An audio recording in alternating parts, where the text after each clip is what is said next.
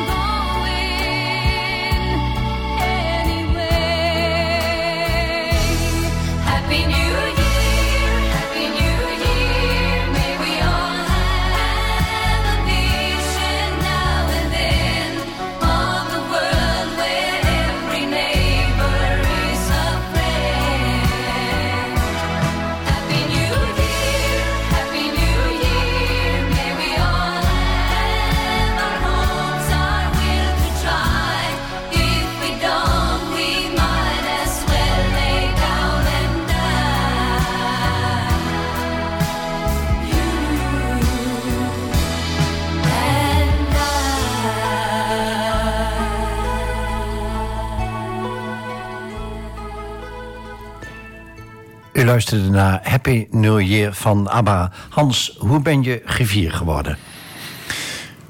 Griffier geworden ben ik al een tijdje geleden. Dat uh, was zo ongeveer in 2003. Toen uh, werd ik in eerste instantie plaatsvervangend griffier in, uh, in Dordrecht.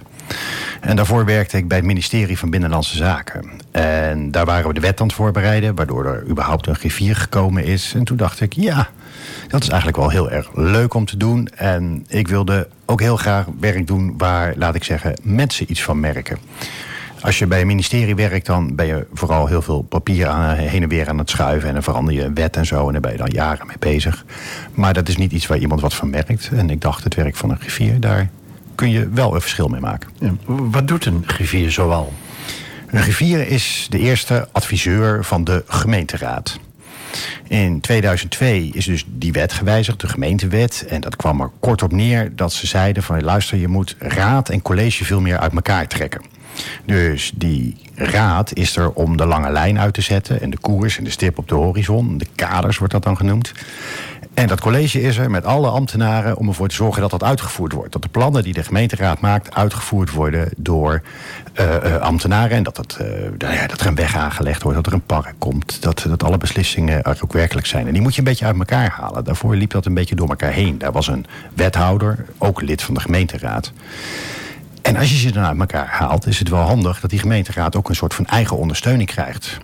En dat is de griffier geworden, zo staat het in de wet. Maar gelukkig doet hij dat niet alleen. We hebben in Almelo een griffie waar we met z'n achter werken. Het is geen hele grote ploeg, maar uh, het is een behoorlijke club. En wij zorgen ervoor dat de raad kan vergaderen. Dat er agenda's komen. Dat er alles wat rond een raadsvergadering nodig is, uh, dat dat geregeld is. Wat is nou het boeiende of het uitdagende aan jouw beroep? Het interessante aan het zijn van griffier vind ik dat vind ik verschillende dingen. Uh, uh, in de eerste plaats dat je, dat je werkt met gemeenteraadsleden. En dat zijn vrijwilligers die allemaal vanuit een soort van politieke uh, bevlogenheid of ideaal of liefde voor de stad best wel veel van hun vrije tijd in het raadswerk stoppen.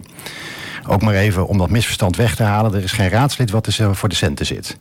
Als je werkelijk geld wil verdienen, dan kun je gewoon beter een krantenwijk nemen. Dan haal je per uur meer binnen dan een gemiddeld raadslid. Je moet denken dat een raadslid, en dat is een landelijk gemiddelde ongeveer 16 uur per week. 15,9 om precies te zijn, bezig is met het raadswerk. Nou, reken dat om naar het geld wat ze ervoor krijgen, dan blijft er niet veel over. Dus het zijn allemaal mensen die dat met een bepaalde inslag doen, een bepaald ideaal. En dat vind ik heel leuk. Um, uh, daarnaast probeer je met elkaar zo goed mogelijk, laat ik zeggen, de lokale democratie vorm te geven. Het gaat niet alleen dat elk raadslid individueel het heel erg naar zijn zin heeft, maar je wil ook als orgaan, als gemeenteraad, proberen uh, met elkaar het beste te doen voor de stad. En dat uh, vind ik interessant en leuk om, om aan bij te dragen. Wat heeft jou naar Almelo gebracht? Uh, naar Almelo, daar, laat ik daar ook gewoon heel eerlijk in zijn. In de eerste plaats uh, een wens die we al veel langer hadden... om vanuit het westen van Nederland weer terug richting het oosten te komen. Nou, kom ik zelf nooit, uh, niet uit Twente. maar ik kom van de rand van de Veluwe. Dat is Laag Soeren, dat is heel klein. Ergens in de buurt van Dieren. dus wij wilden graag die kant wel weer op. En dan ga je op een gegeven moment gewoon eens om je heen kijken... wat voor mogelijkheden er zijn is op een gegeven moment wat in de stroomversnelling gekomen. Ook uh, gewoon omdat mijn vader uh, ernstig ziek is en zal overlijden binnen afzienbare tijd. En mijn moeder dan alleen komt te wonen. En dan wil je liever uh, dichter in de buurt zitten dan helemaal in Dordrecht, waar we ja. op dat moment woonden. Je hebt Corrie Steenberg opgevolgd als griffier. Was dat moeilijk? Corrie uh, heeft een uh, geschiedenis uh, langere tijd in, in Almelo. Heeft dingen dus ook ingericht zoals zij dat zelf gedaan heeft. Maar Corrie was gewoon een prima griffier... waardoor heel veel zaken in de basis gewoon, gewoon, gewoon heel prima op orde waren. En kon je redelijk op een, op een goed rijdende trein instappen. Dus in die zin was dat, was dat niet, uh, niet heel moeilijk. Ik denk wel dat elke griffier zo een beetje zijn eigen accenten weer wat legt. Weer wat andere dingen net iets belangrijker vindt uh, dan zijn voorganger. Dat, uh, dat is volgens mij altijd wel zo. maar volgens mij, wat Corrie in mijn ogen in ieder geval heel goed gedaan heeft... is ervoor te zorgen dat alles achter de schermen heel goed geregeld, is. En ik denk dat een griffier achter de schermen veel meerwaarde heeft. Patricia Pol heeft in maart 2022 of daar daaromtrent gezegd dat er alweer een man wordt toegevoegd aan het Almeloze stadsbestuur. Wat vond en vind je van deze uitspraak? Ja, ik, ik ken de uitspraak goed, want heel kort nadat die gedaan was, ontplofte uh, mijn, mijn, mijn WhatsApp-lijn in toen nog Schiedam van allerlei collega's die dat ook gelezen hadden. En dus, dus, dus, dus aangaven van, joh, ik kreeg zelfs advertenties voor, voor, voor, voor, voor ziekenhuizen waar je operaties kon laten verrichten om aan de wens van mevrouw Pol te voldoen, toegestuurd. Ik heb daar uiteindelijk niet voor gekozen. ik snap het wel een beetje. Op dat moment nou ja, waren er, uh, nou, waar waren er vrij veel mannen. De, de, de, beroemde mannen van middelbare leeftijd en allemaal blank en zo. Die waren allemaal in functie in Almelo. Nou, we hebben inmiddels in het nieuwe college in ieder geval gezien dat dat toch ook anders kan. En um, ja, ik, ik, ik hoop niet dat, dat mijn geslacht heel erg relevant is voor een gemeenteraad. Ik denk ook niet dat dat, uh, dat dat heel erg belangrijk hoeft te zijn. Ik moet gewoon mijn werk goed doen en ik moet goed luisteren naar wat zij willen, wat ik denk dat nodig is. En dan maakt het volgens mij niet zo heel veel uit uh, of ik een man of een vrouw ben. Misschien was de onderliggende gedachte van haar dat vrouwen nog steeds uh, ondervertegenwoordigd zijn. En ik denk dat ze daar een punt heeft. Ik denk dat het zo is. Welke opleiding heb je nodig om griffier te worden? Ehm, grappig genoeg is dat best divers. Uh, uh, veelal de meeste griffiers hebben vaak een juridische achtergrond. Die uh, hebben rechten gestudeerd of bestuurskunde of, of iets wat, wat daarop lijkt. En zijn soms uit een ambtelijke functie in het ambt van griffieren ingestroomd. Um, ik denk niet dat er echt één opleiding is die nou ideaal is voor het werk van een griffier. Omdat ons werk, gelukkig zeg ik maar, per dag heel erg verschilt. Ik neem mijzelf altijd voor vandaag dit of dit of dit of dit te gaan doen. En dan gaat er een telefoontje en dan ben je dus de hele dag met iets anders bezig. En dan vind ik ook wel het leuke aan ons werk. Maar dat betekent ook dat het dus, dus niet per se voorspelbaar is. Um, belangrijke vaardigheden die je moet hebben... is dat je heel snel en goed mensen moet kunnen begrijpen. Als een raadslid mij belt of, of iemand op de griffie... dan gebeurt het best vaak dat we niet per se de echte vraag krijgen die zij beantwoord willen hebben. Maar dan krijgen we de eindvraag. Mag ik dat of dat rapport hebben? En dan gaat het eigenlijk helemaal niet over de inhoud van het rapport. Maar dan gaat het eigenlijk over het vermoeden dat er misschien in het voorstel uh, cijfers vergeten zijn. Ik noem maar wat. Uh, het is nuttig voor een griffier en ook voor een griffiemedewerker om snel te kunnen achterhalen wat nou eigenlijk de vraag achter de vraag is. Ja, je, bent voor de buitenwereld de persoon die naast de burgemeester zit. Uh, heeft dat nog een symbolische betekenis? Ja, en zelfs ook een juridische. Uh, het is zo dat de griffier in de vergadering aanwezig moet zijn. Als die er niet is, kunnen er geen rechtsgeldige besluiten genomen worden. Want de griffier is degene die vast moet stellen dat het besluit wat uiteindelijk ondertekend wordt door de burgemeester en de griffier ook werkelijk het besluit is wat aangeboden is aan de raadsleden. En wat ook werkelijk daar besproken is. Dus er zit ook nog een juridische component aan. Het kan dus niet zo zijn dat uh, na uh, de raadsvergadering we nog ineens wat bedragen aan gaan passen in een voorstel. En dat dan ineens al het besluit wordt. En dan komt er iets heel anders uh, uit. Dat, dat, dat kan dus niet zijn. En het is mijn rol om er ook echt voor te zorgen dat dat dus niet gebeurt. Af en toe dan zie ik jou de burgemeester ook iets influisteren. maar je geeft toch advies aan de raad en niet aan de burgemeester, lijkt me. Dat klopt, maar we moeten niet vergeten dat de burgemeester ook gewoon de voorzitter van de raad is. En, en ja, uh, wat wij natuurlijk achter de voorzitterstafel bespreken... dat is natuurlijk strikt geheim van de voorzitterstafel, dat zul je begrijpen. Maar dat gaat veelal over de, de orde van de vergadering. En de burgemeester heeft gewoon één paar ogen. Dus nu dan ziet hij net even niet dat er links of rechts ook iemand het woord vraagt. En daar help ik hem dan bij. We gaan naar de eerste van de vier stellingen, Hans. Er zijn in Nederland te weinig vrouwen als griffier van de gemeenteraad werkzaam. Ja, moet wel zeggen dat ik zie dat dat landelijk gezien de laatste tijd heel erg aan het bijtrekken is. Ik denk dat je in principe gewoon daar een 50-50 afspiegeling zou kunnen, zou kunnen hebben. En je ziet dat we die kant op gaan. Uh, met name in de beginperiode vonden veel gemeenten die nieuwe functie van die griffier ook best een beetje eng. En dan werd er wat voorzichtig gekozen. Iemand die we al kennen, bijvoorbeeld uit het staande apparaat... die dan, uh, nou ja, wel even griffier kon zijn. En je ziet dat men nu, dat, dat, dat, dat beroep van griffier ook wat volwassener wordt... dat er veel breder gekeken wordt... en dat er dus ook gekeken wordt in verschillen in leeftijd... en in achtergrond en in opleiding... en ook in geslacht. En ik denk dat dat heel gezond is. En vrouwen zijn misschien iets sterker in communicatie en relatie? Uh, uh, nou, niet per se toch. Uh, ja, ja, je zou dat zeggen. Nou, ik denk dat ze, dat ze makkelijker op hun gevoel durven te vertrouwen. En dat is voor een griffier wel heel belangrijk. Ja. Stelling 2. De partijpolitiek in het openbaar bestuur van Nederland... heeft zijn langste tijd gehad. Ja, ik denk dat dat zo is. Uh, ik denk dat je steeds meer ziet, ook bij kiezers, dat het niet meer één politieke partij en één standaard gedachtegoed is, wat, waar iedereen alles in herkent, of in ieder geval het grootste gedeelte. Dat elke partij wel iets in zich heeft wat nuttig is. En dan moet je je afvragen of een politieke partij eigenlijk nog de functie heeft die die altijd gedacht werd te hebben. Namelijk de drager van een visie, de drager van een opvatting. Misschien wel de vertegenwoordiging van een zuil waar, waar, waar, waar vroeger over gesproken werd. Want uh, een politieke partij is op dit moment vooral eigenlijk een uitzendbureau voor politici. of dat nou in een gemeenteraad of, of, of, of landelijk is. Uh, de, de mensen die wij kunnen kiezen komen uit die partijen voort. En dat is uh, minder dan een procent van de Nederlandse bevolking. Dat is best beperkt. Stelling 3. Het verhogen van de kiesdrempel komt de slagvaardigheid van openbaar bestuur ten goede.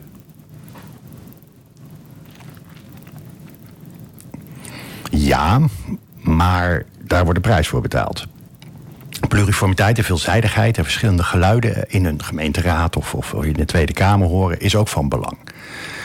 in mijn ogen uh, is de kracht van de democratie net zo sterk als dat je aandacht hebt en recht kan doen aan het belang van de minderheid. Niet van de meerderheid. Het is geen dictatuur van de meerderheid, maar het is juist ook kijken hoe je uh, een minderheid kan, kan helpen. En daar, uh, is het van belang dat je zoveel mogelijk verschillende mensen daar neerzet. Het is ook goed voor de representatie. Ik bedoel, dus in die zin, ik denk wel dat, dat je met minder partijen sneller tot besluiten kan komen en makkelijker door kan marcheren. Dus voor de slagvaardigheid is het goed.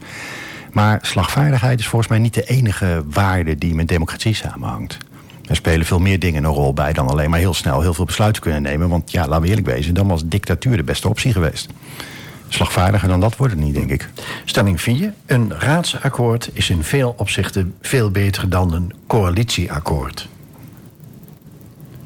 Nee, dat zou ik niet op die manier durven stellen. Uh, in de praktijk zie je ook dat raadsakkoorden die gesloten worden vaak uh, echt uh, compromissen zijn die, die heel erg in het algemene zijn. We willen dat iedereen gelukkig wordt en dat het er overal prachtig uitziet en dat het verkeer 100% veilig is enzovoort enzovoort. Ja, weet je, daar zijn we het altijd over eens. Ik, als ik willekeurig 100 mensen van de markt haal, vinden we dat ook heel goed. De duivel schuilt vaak in gemeentepolitiek juist heel erg in de details. En die zijn vaak in een raadsakkoord veel moeilijker te organiseren. Het gaat tenslotte uiteindelijk toch ook over het verdelen van belangen en in zekere zin dus van macht. Um, ik denk wel dat een klassiek uh, coalitieakkoord, waarbij je een meerderheid zich vormt, uh, dat dat niet per se de enige optie zou moeten zijn. Ik geloof bijvoorbeeld best in, in, in, in minderheidscoalities, waarbij je steeds weer moet zoeken naar nieuwe meerderheden in een gemeenteraad. En dat zou best kunnen leiden tot betere besluiten. Zometeen vraag ik je hoe je onafhankelijk blijft.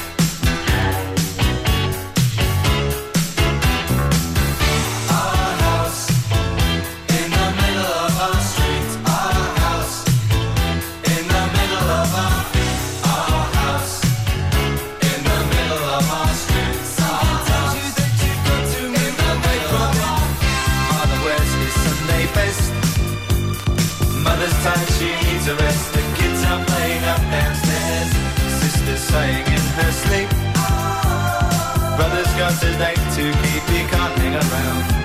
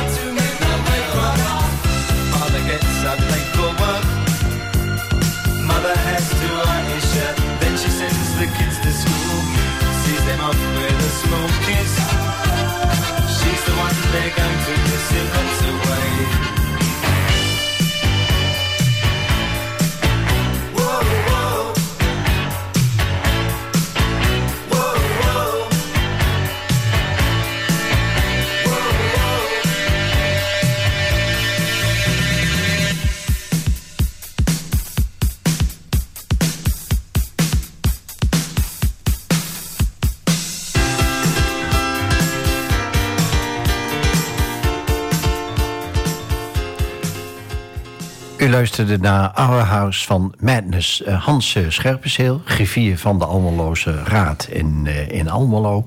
Um, van waar dit nummer? Nou, dit nummer speelt al een paar maanden geleden regelmatig in mijn hoofd, omdat wij dus inderdaad in september verhuisd zijn. Nee, uh, niet naar Almelo. Dat probeerden we wel, maar de huizenmarkt was best heel ingewikkeld. Dus we kwamen gewoon in een bepaald aantal biedingen kwamen er niet uit. Maar we hebben nou volgens mij ook wel een heel mooi huis gekocht in, in Gorsel, tussen Zutphen en Deventer. En dat is ook heel prettig. En dat is vanuit Dordrecht gezien al heel erg oostelijk. Ja. Hoe, hoe voorkom je als griffier dat jouw uh, of partijdigheid wordt verweten? Ja, dat is een hele belangrijke. Wij kunnen echt alleen maar functioneren als griffiers als je, uh, wat dat betreft, je neutraliteit nooit ter discussie staat. Ik ben er voor de raad, de raad als geheel en de hele raad, zal ik maar zeggen. En niet uh, voor één partij ietsje meer dan de andere partij. Dus alle raadsleden zijn mij en moeten mij ook gewoon even lief zijn. Uh, natuurlijk heb ik ook een opvatting soms over een raadsvoorstel. Dat komt namelijk omdat ik een mens ben en omdat ik van politiek hou en dat ik wel eens wat lees en denk dat iets beter is. Uh, op het moment dat raadsleden gaan merken wat die opvatting is, of dat ik daarmee ga sturen of, of zo, dan, dan, dan verlies ik mij een positie. Dan kan ik niet meer werken. Ik doe dat in ieder geval ook door wel uh, met raadsleden mee te denken en ook daar helder in te zijn. Dus als een raadslid naar mij komt, ik wil een motie indienen, hoe kan ik die beter maken? Dan denken wij uh, met zo'n raadslid mee. Maar dat doe ik op precies dezelfde manier als dat ik met een ander raadslid die de tegenovergestelde motie in wil dienen en die een uur later binnenkomt, mee zou denken. Dus ik ben dan, zal ik maar even zeggen, partieel partijdig. En let je daar dan extra op? Ja, ja, ik denk dat je daar bijna niet voorzichtig genoeg uh, uh, mee kan zijn. Uh, wat dat betreft, mijn, mijn rol is gericht op het proces, op wat er gebeurt, op de kwaliteit van de besluitvorming, op ook wel uh, nou ja, democratisch gehalte van de gemeenteraad. En niet op inhoud. Het maakt mij in feite ook niet uit wat de raad besluit. Je voelt jezelf geen standaard griffier. Wat, wat bedoel je daarmee? Ja, de, uh, uh, nou ja, uh, um, dat heeft voor een deel te maken ook met mijn, met mijn opleiding, met mijn achtergrond. Ik heb weliswaar ook wel bestuurskunde gestudeerd, maar met name ook filosofie. En, en, daar zijn niet zo heel veel collega's die dat ook gedaan hebben. Ik ken ze eigenlijk niet. Um, verder vind ik ook dat je. Nou ja, het simpele feit dat ik hier nu zit bij jou is, is iets wat ik denk dat de meeste griffiers niet zouden doen. Juist ook omdat wij een neutrale rol op de achtergrond zouden moeten hebben. En dat vind ik ook. Die rol moet je ook hebben. Maar ik denk ook dat je een rol hebt in het uitdragen wat een gemeenteraad doet. Ook wat een griffier doet, maar voornamelijk de gemeenteraad. En wat inwoners daaraan kunnen hebben. Ik vind ook dat je als griffier uh, de brievenbus of de postbus van de gemeenteraad bent. En dat je daar best uh, in die zin zichtbaar mag zijn. En dat is een iets andere opvatting. Um, waarom vind je filosofie belangrijk voor jouw werk als griffier? Nou, wat ik net beschreef uh, over het kunnen doorgronden van wat de vraag achter een vraag is, is natuurlijk iets wat je bij een opleiding wijsbegeerte gewoon leert. He, dan krijg je een boek van een of andere al lang overleden filosoof. En dan moet je achterhalen waarom die geschreven heeft, wat hij daar geschreven heeft. En dan moet je dan. Dus dit is een vaardigheid die je daarbij goed, uh, goed leert. Daarnaast denk ik dat het van belang is dat je heel snel tot de kern, de essentie van, van, van de zaak door kan dringen. Als ik een verhaal hoor van een raadslid, dan, dan is dat soms wat langer, soms wat korter. Maar dan is het toch zaak om in een paar regels te kunnen samenvatten of te kunnen begrijpen wat, wat het raadslid bedoeld heeft. En uh, dat is iets wat je juist specifiek bij filosofie leert. Misschien ook wel goed om daarover te zeggen. Hè. Veel mensen denken dat de wijsgeer niets anders doet dan op zijn rug in het gras liggen dromen over de toekomst en de zin van het leven. Helaas. Uh, dat doen we niet. Uh, uh, filosofen zijn juist bezig met de, de, kleine dingen, met begrippen, met, met het heel, heel uitgebreid definiëren van één woord van een filosoof in een boek. Wat dat nou precies betekent. Heel genuanceerd. Het gaat juist over het hele kleine. Veel meer dan over de grote vragen van het leven. die overigens door filosofen ook graag behandeld worden, maar dan nooit zonder een paar goede glazen wijn. En daarmee kun je dan de dingen scherper of duidelijker krijgen? Ja, uh, um, in het heel goed definiëren van wat je precies bedoelt, uh, daar, daar komen altijd heel veel vragen uit voort. En dat is altijd een vervolgvraag van ik lees een motie, er staan een aantal begrippen in en dan vraag ik me wat bedoel je daar nou precies mee? Wat wil je dan, dan echt bereiken? Of wat is dan eigenlijk wat je aan de kaak wil stellen? Of welk probleem zie je dan precies? En op die manier kun je dingen scherper maken en hopelijk ook wat spraakverwarring voorkomen. Je bent nu 20 jaar uh, griffier. Um, dan heb je er ook wel een klein beetje zicht op wat je als griffier niet of nooit moet doen. De do's en de don'ts. Nou, we hadden net al even over onafhankelijk blijven. Hè. Op het moment dat een, raad gaat ontdekken wat, wat voor kant ik op zou willen sturen met een bepaald raadsvoorstel, dan, dan, dan zit je wel echt in de don'ts. Um, ik denk ook dat als je als griffier te veel de voorgrond zoekt, als het ware. En, en zichtbaarder bent dan je raad, zal ik maar zeggen. Dat je ook uh, echt in een categorie zit van dingen uh, die je niet moet doen. Um, de, de do's zijn dat je je ook heel goed moet realiseren dat um, mensen met een bepaalde motivatie in die raad gegaan zijn. En dat is niet voor iedereen hetzelfde. Het zijn geen ambtenaren, het zijn geen collega's. Ze zitten geen 40 uur in de week achter hun pc. En dat is best af en toe jammer, want dan zijn ze soms wat moeilijker bereikbaar. Maar dat is nou eenmaal zo. En die groep mensen, om die bij elkaar te houden, om daar een geheel van te maken, daar moet je in investeren. Dat is, dat is, die, die, die, die, daar moet je ze nu en dan bijvoorbeeld ook gewoon eens een keer wat leuks mee gaan doen. Ja. Ieder gedrag heeft een positieve intentie, maar de uitwerking is soms wat minder. um, Ja, weet ik niet. Uh, uh, uh, is, is kritiek of een, of een tegengesteld standpunt niet ook een vorm van respect, zal ik maar zeggen? Je kan soms tegendraad zijn en toch wel heel erg betrokken op de ander. Ik, ik, iemand die alleen maar ja knikt, dat vind ik ook niet per se een goede vriend van me. Wat vind je van het aantal partijen in de Almeloorse gemeenteraad? Ja, dat is fors. Daar kunnen we helder over zijn. Uh, dat is heel neutraal. Ja, dat, is, beschouwelijk. Dat klopt ook wel. Um, ik denk dat het een tendens is die je landelijk ziet en die ook niet 1, 2, 3 uh, terug te draaien is. Ik, ik, ik heb er uh, geen probleem mee. Het is, het is een, gegeven. Het maakt het soms uh, wat ingewikkelder voor ons als Griffie om op te treden. We moeten, of, om dingen te organiseren. We hebben, hebben 15 fractievoorzitters waar we mee in overleg moeten. Dat is makkelijk, of het is lastiger dan als het maar 10 waren geweest, zal ik maar zeggen. Maar het zorgt wel voor, voor variatie in, in, in verschillende perspectieven die je in zo'n raad hoort, uh, of te horen krijgt. En het zorgt er ook voor dat uh, een groter gedeelte van de stad zich vertegenwoordigd voelt. Omdat er altijd wel een partij is of iemand is die ze kunnen herkennen. Of die ze als zodanig aanspreekt. De meeste mensen, de meeste inwoners weten niet wie hen in de gemeenteraad vertegenwoordigen. Hoe kan de zichtbaarheid en de bekendheid van de raadsleden worden vergroot? Ja, daar, daar doen uh, raadsleden zelf ook vrij veel aan, uh, uh, merk ik. Dus die hebben daar zelf ook een belangrijke rol in om zichtbaar te zijn. En vaak wordt dan gedacht, ja, dan moet ik zichtbaar zijn rond een besluit wat genomen is. Nou, dat hoeft denk ik niet eens zozeer. ik denk dat de jaarvergadering van de voetbalvereniging ook een plek is waar je, waar je zichtbaar kan zijn. Ik denk ook dat we vanuit de gemeente, of dan de Griffie, daar wat meer aan kunnen doen. Niet zozeer door campagnes te gaan starten van stem op raadslid 1, 2 of 3. Maar vooral door, door aan te geven wat ze nou eigenlijk doen. Dat er belangrijke besluiten genomen zijn. Uh, uh, en ook bijvoorbeeld door de Raad het werk van de Raad zichtbaarder te maken. Ik kan me voorstellen dat je bij besluitvorming die bijvoorbeeld in een wijk of in Bornebroek of juist in Adorp speelt, dat je, dat je dan daar op die plaats gaat vergaderen. We gaan even terug naar de laatste uitzending van 2022. Schaapherder en klimaatburgemeester Willem Dijkema was toen te gast op donderdag 22 december. En hij stelde een vraag aan Shirley Burer. Zij is eh, vrijwilligste bij de kindertelefoon van Almelo, die met opheffing wordt bedreigd. En zij zou eigenlijk te gast zijn op donderdag 29 december. Maar die uitzending ging niet door vanwege de onmeunige 777. Dus Tobias parkeert die vraag even, Tobias de technicus, want ze is wel te gast op donderdag 19 januari. En Hans, je mag wel een vraag stellen aan muzikus en jazzpianist Johan Bijkerk, want die is over 14 dagen te gast op uh, donderdag 26 januari. En de uitzending van volgende week vervalt namelijk vanwege de bekerwedstrijd Heracles Go Ahead Eagles. Hopelijk kan iedereen het nog uh, volgen. Hans, jouw vraag aan Shirley Buren. Juist, een, een, een jazzpianist. Oh, herstel, jouw vraag aan, de vraag aan Johan Bijker. Moet ik ja, dat, dat ja. heb ik al begrepen. Ja, heel goed, heel goed. Een slip of de tang van mij. Geef niet al die namen. Dat, uh... Ja, ja, het is een hele lijst. Ja. Um, uh, een, een jazzpianist en muzikus uh, die in Almelo... Um, uh, actief is, is natuurlijk, natuurlijk, natuurlijk fantastisch. Dus, dus, dus mijn vraag zou zijn of uh, Almelo uh, misschien niet eens toe is aan echt een groot mooi jazzfestival. Hè? We hebben nou al jarenlang North Sea Jazz.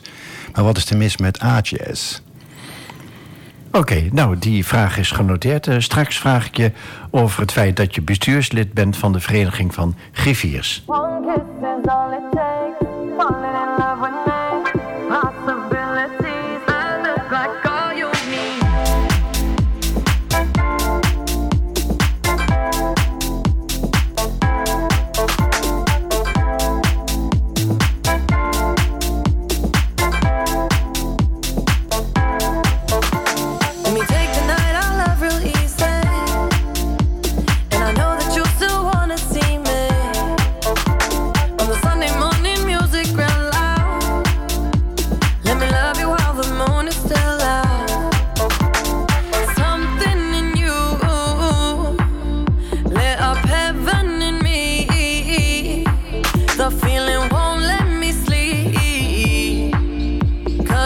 lost in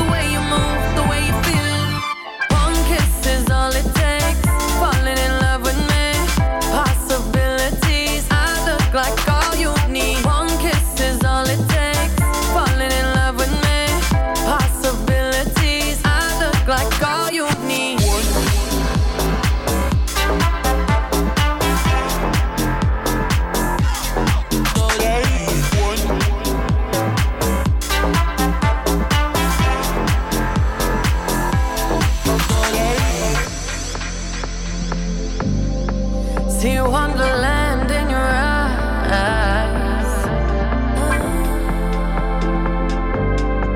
Might need your company tonight.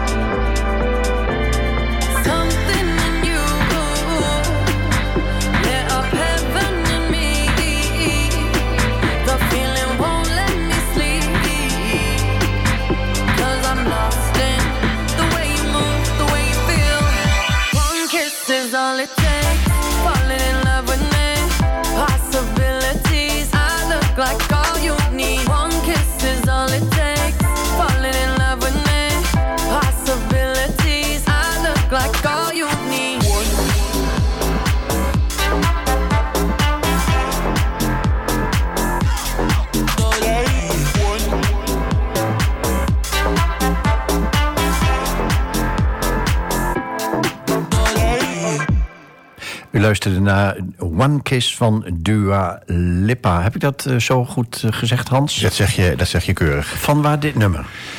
Nou, sowieso vond ik in een uur gepraat tussen uh, twee oude mannen... is het wel goed om er een, een vrouwenstem tussendoor te doen. Dus, en ik vind Dua Lipa ook leuk en interessant... omdat zij eigenlijk het, het oude genre van de disco... weer een beetje opnieuw leven in inblaast. En dat heeft ze met dit nummer gedaan, ook met andere nummers, met Elton John samen. Dus dat vind ik wel, uh, dat vind ik wel heel fris en, uh, en prettig.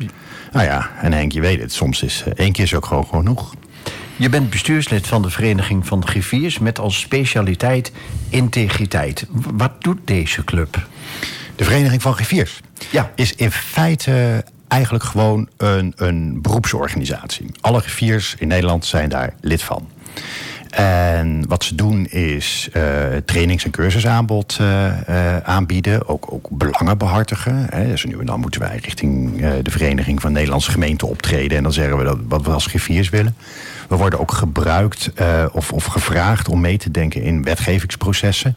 Bijvoorbeeld in, de, in de coronacrisis moest een digitaal vergaderd worden. Dat was voor, voor iedereen even helemaal nieuw.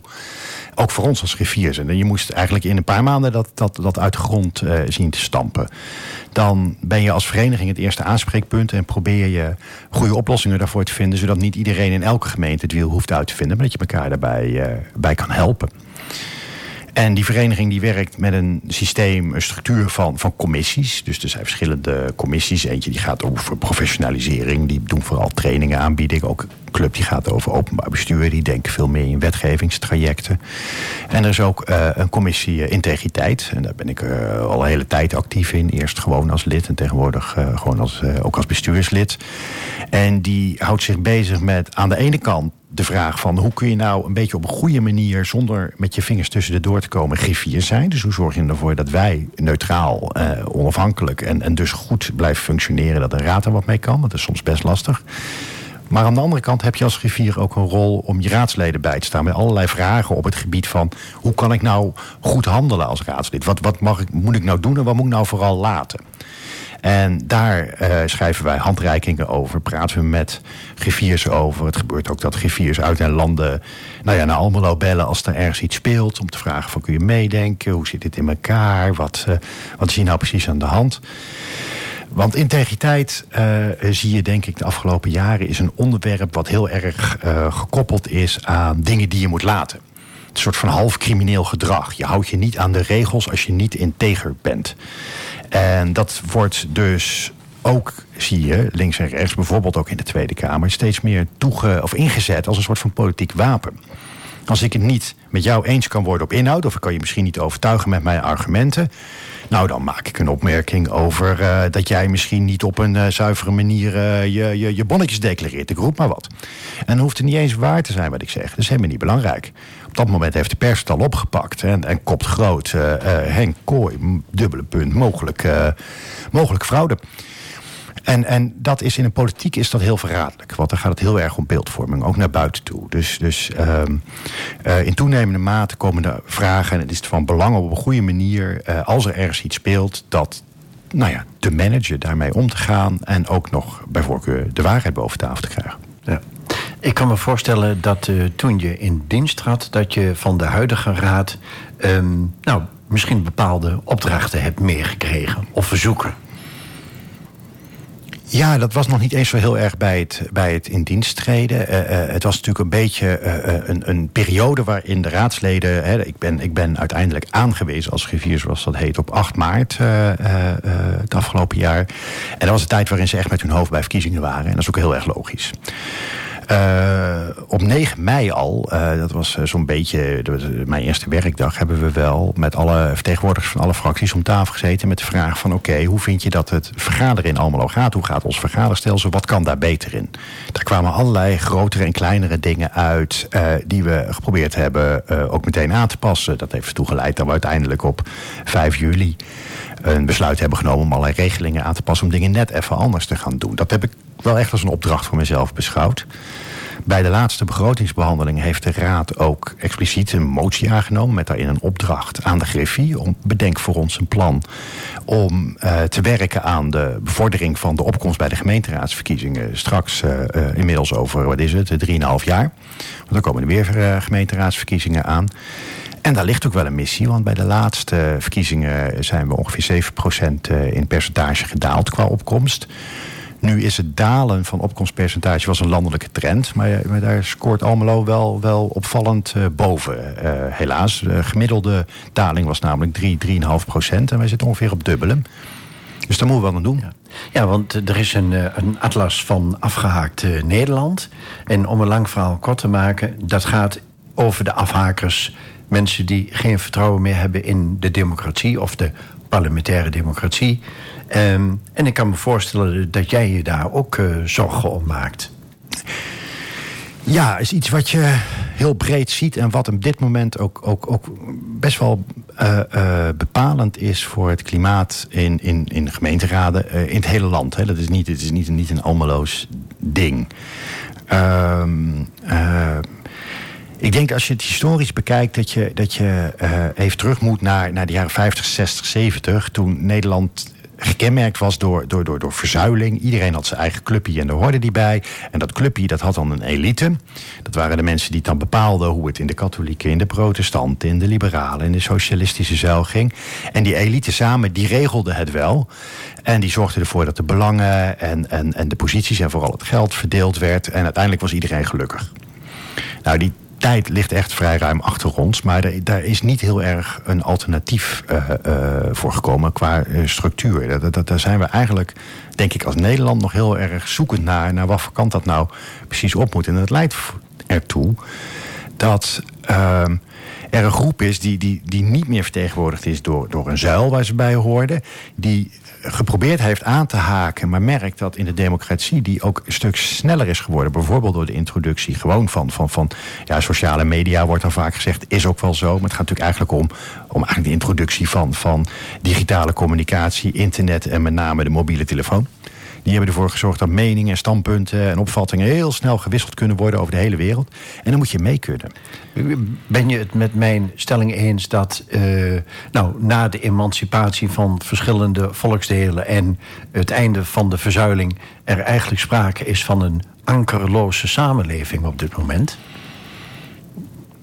Eh, ja, maar dat zou. Ja, ik ben met je eens dat er niet echt een ankerpunt is. Maar dat veronderstelt dat dat wel zou moeten zijn. En dat weet, dat weet ik niet precies. Ik denk. Um, waar, we mee gestopt zijn. Nee, wat het prettig aan de verzuiling was, was dat er in ieder geval door iedereen, zij het dan getrapt via een bepaalde elite zo, maar iedereen praatte nog mee. Wat ik tegenwoordig zie is dat we niet meer met iedereen in gesprek zijn. En deels omdat afgehaakt Nederland zegt... ik wil helemaal niet meer met je in gesprek, want jij bent van de gemeente. Uh, of met jullie zijn van de gemeente. Uh, maar, maar we moeten daarom denk ik ook heel bewust op zoek naar... juist wel uh, weer met elkaar in gesprek raken. We zijn de laatste tijd met name druk met praten over elkaar...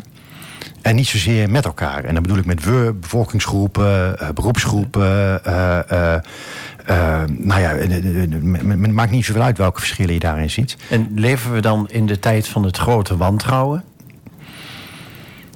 Als je stopt met, met elkaar te praten, naar elkaar echt te luisteren en, en elkaar belangen van elkaar te zien, dan, dan, dan is dat een ontzettend goede voedingsbode voor wantrouwen dan gaan mensen uh, uh, denken... Uh, hij zal wel hetzelfde erin zitten zoals ik... en ik wil eigenlijk vooral voor elkaar krijgen wat ik altijd al wilde... of ik wil zoveel mogelijk geld uit die pot. En dat, dat is een, een voedingsbode van, van wantrouwen. Het probleem is dat echt met elkaar praten gewoon heel veel tijd kost. Zometeen vraag ik jou over de verschillen tussen Goes, Dordrecht, Schiedam en Almelo.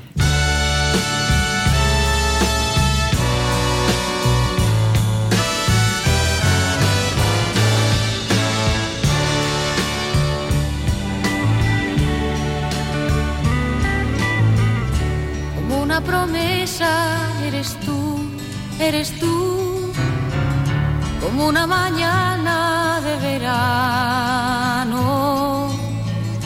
como una sonrisa eres tú, eres tú, así, así, eres tú.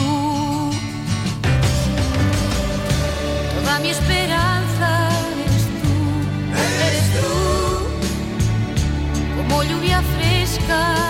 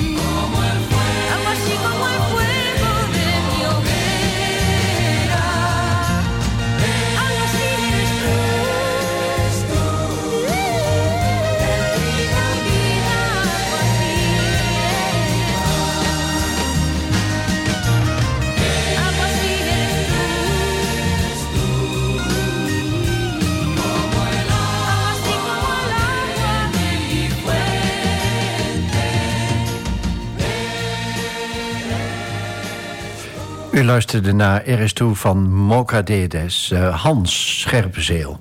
Um, je bent nu acht maanden griffier van de Almeloze Raad... en je hebt in Dordrecht en Goes en als laatste in Schiedam gewerkt. Wat zijn de verschillen?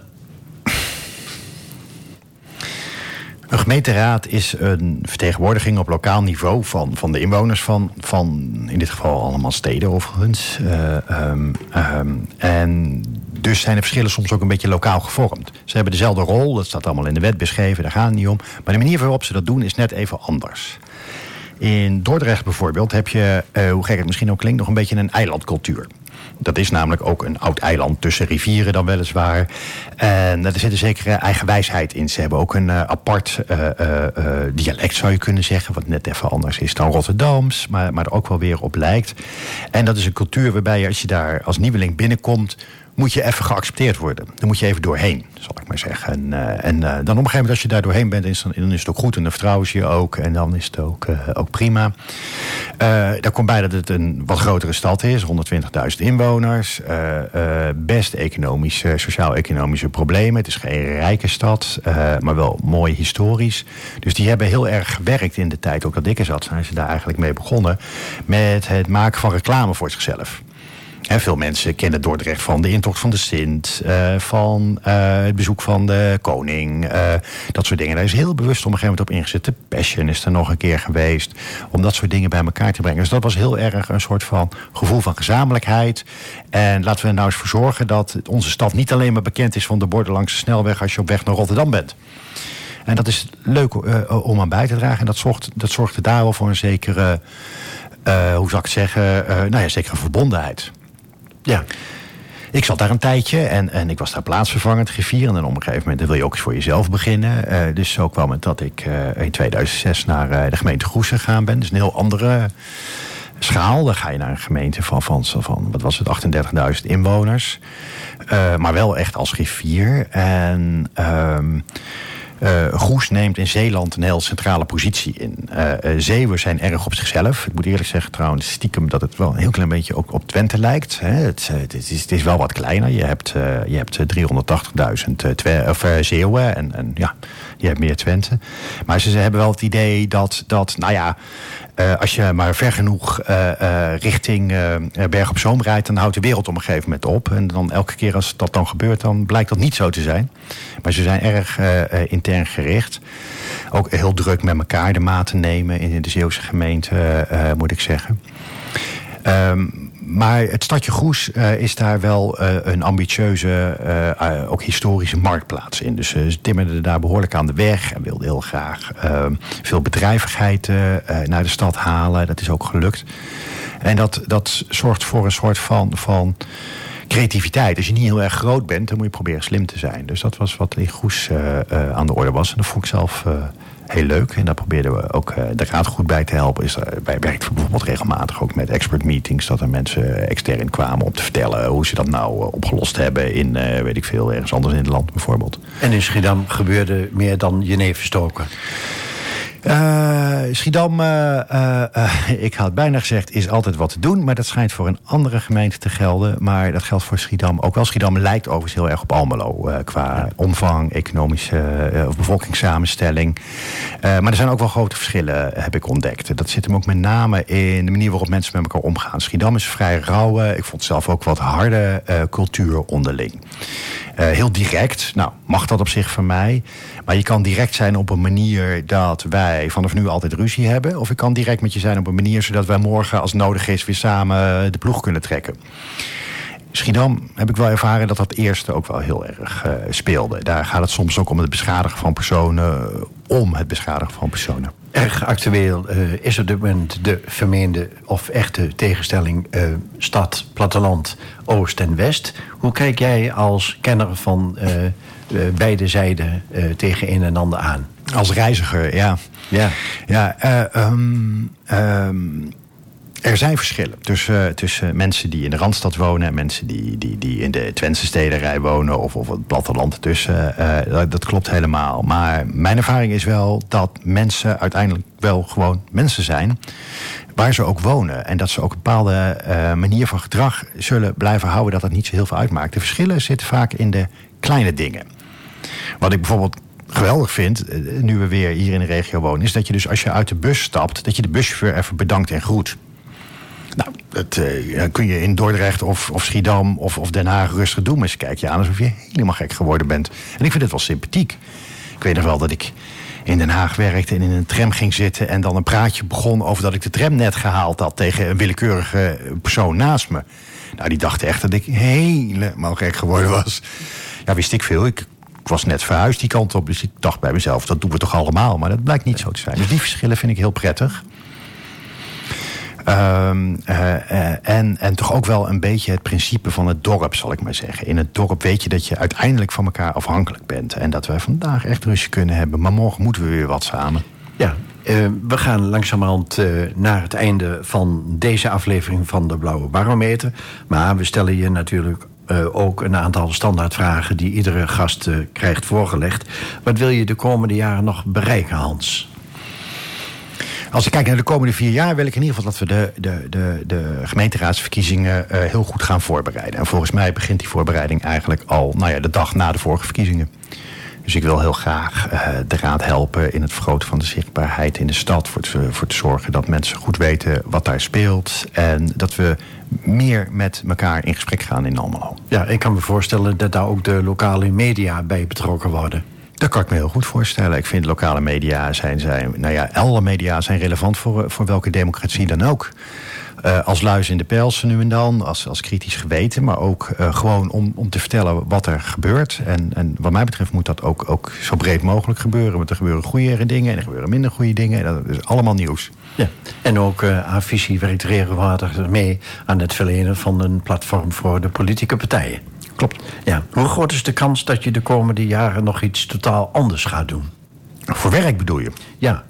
Die kans is heel klein. Ik heb aangegeven in mijn sollicitatie, en dat meen ik ook echt, dat ik vind dat je als griffier um, uh, niet je pensioen moet halen bij één raad. Want op een gegeven moment is de chemie er ook wat uit. En moet gewoon iemand anders komen die dezelfde dingen net even anders doet.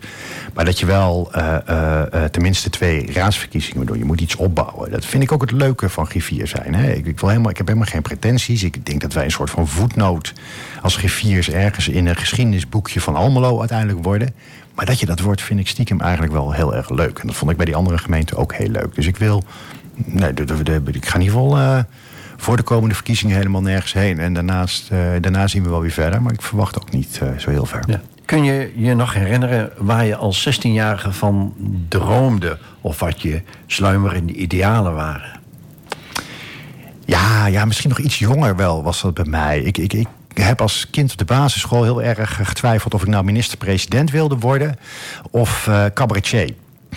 En uh, langzaamaan ga je dan ontdekken dat het verschil helemaal niet zo groot is. En, en dat het misschien wel wat ingewikkelder is om minister-president te worden. Maar dat, dat cabaretier ook niet echt makkelijk is. En dat je nou ja, jezelf wel grappig vindt, maar dat je een van de weinigen bent en zo. Dus langzaam wordt het wat realistischer. Maar dat waren wel, wel mijn dromen. Dus daar hoort iets bij van. Uh, um, uh, uh, mensen raken, met mensen bezig zijn en, en uitdragen wat je denkt dat goed is. Ja. Volgens mij ben je best een, een persoon die gevoel heeft voor humor. Heb je daar wel eens een, een platform voor gezocht en gevonden? Buiten de gemeenteraad bedoel je? Ja. humor is belangrijk. Als we niet meer kunnen lachen en als we de relativiteit van dingen niet meer in kunnen zien, dan is alles serieus en dan worden we allemaal overspannen. Dat moeten we niet doen, volgens mij.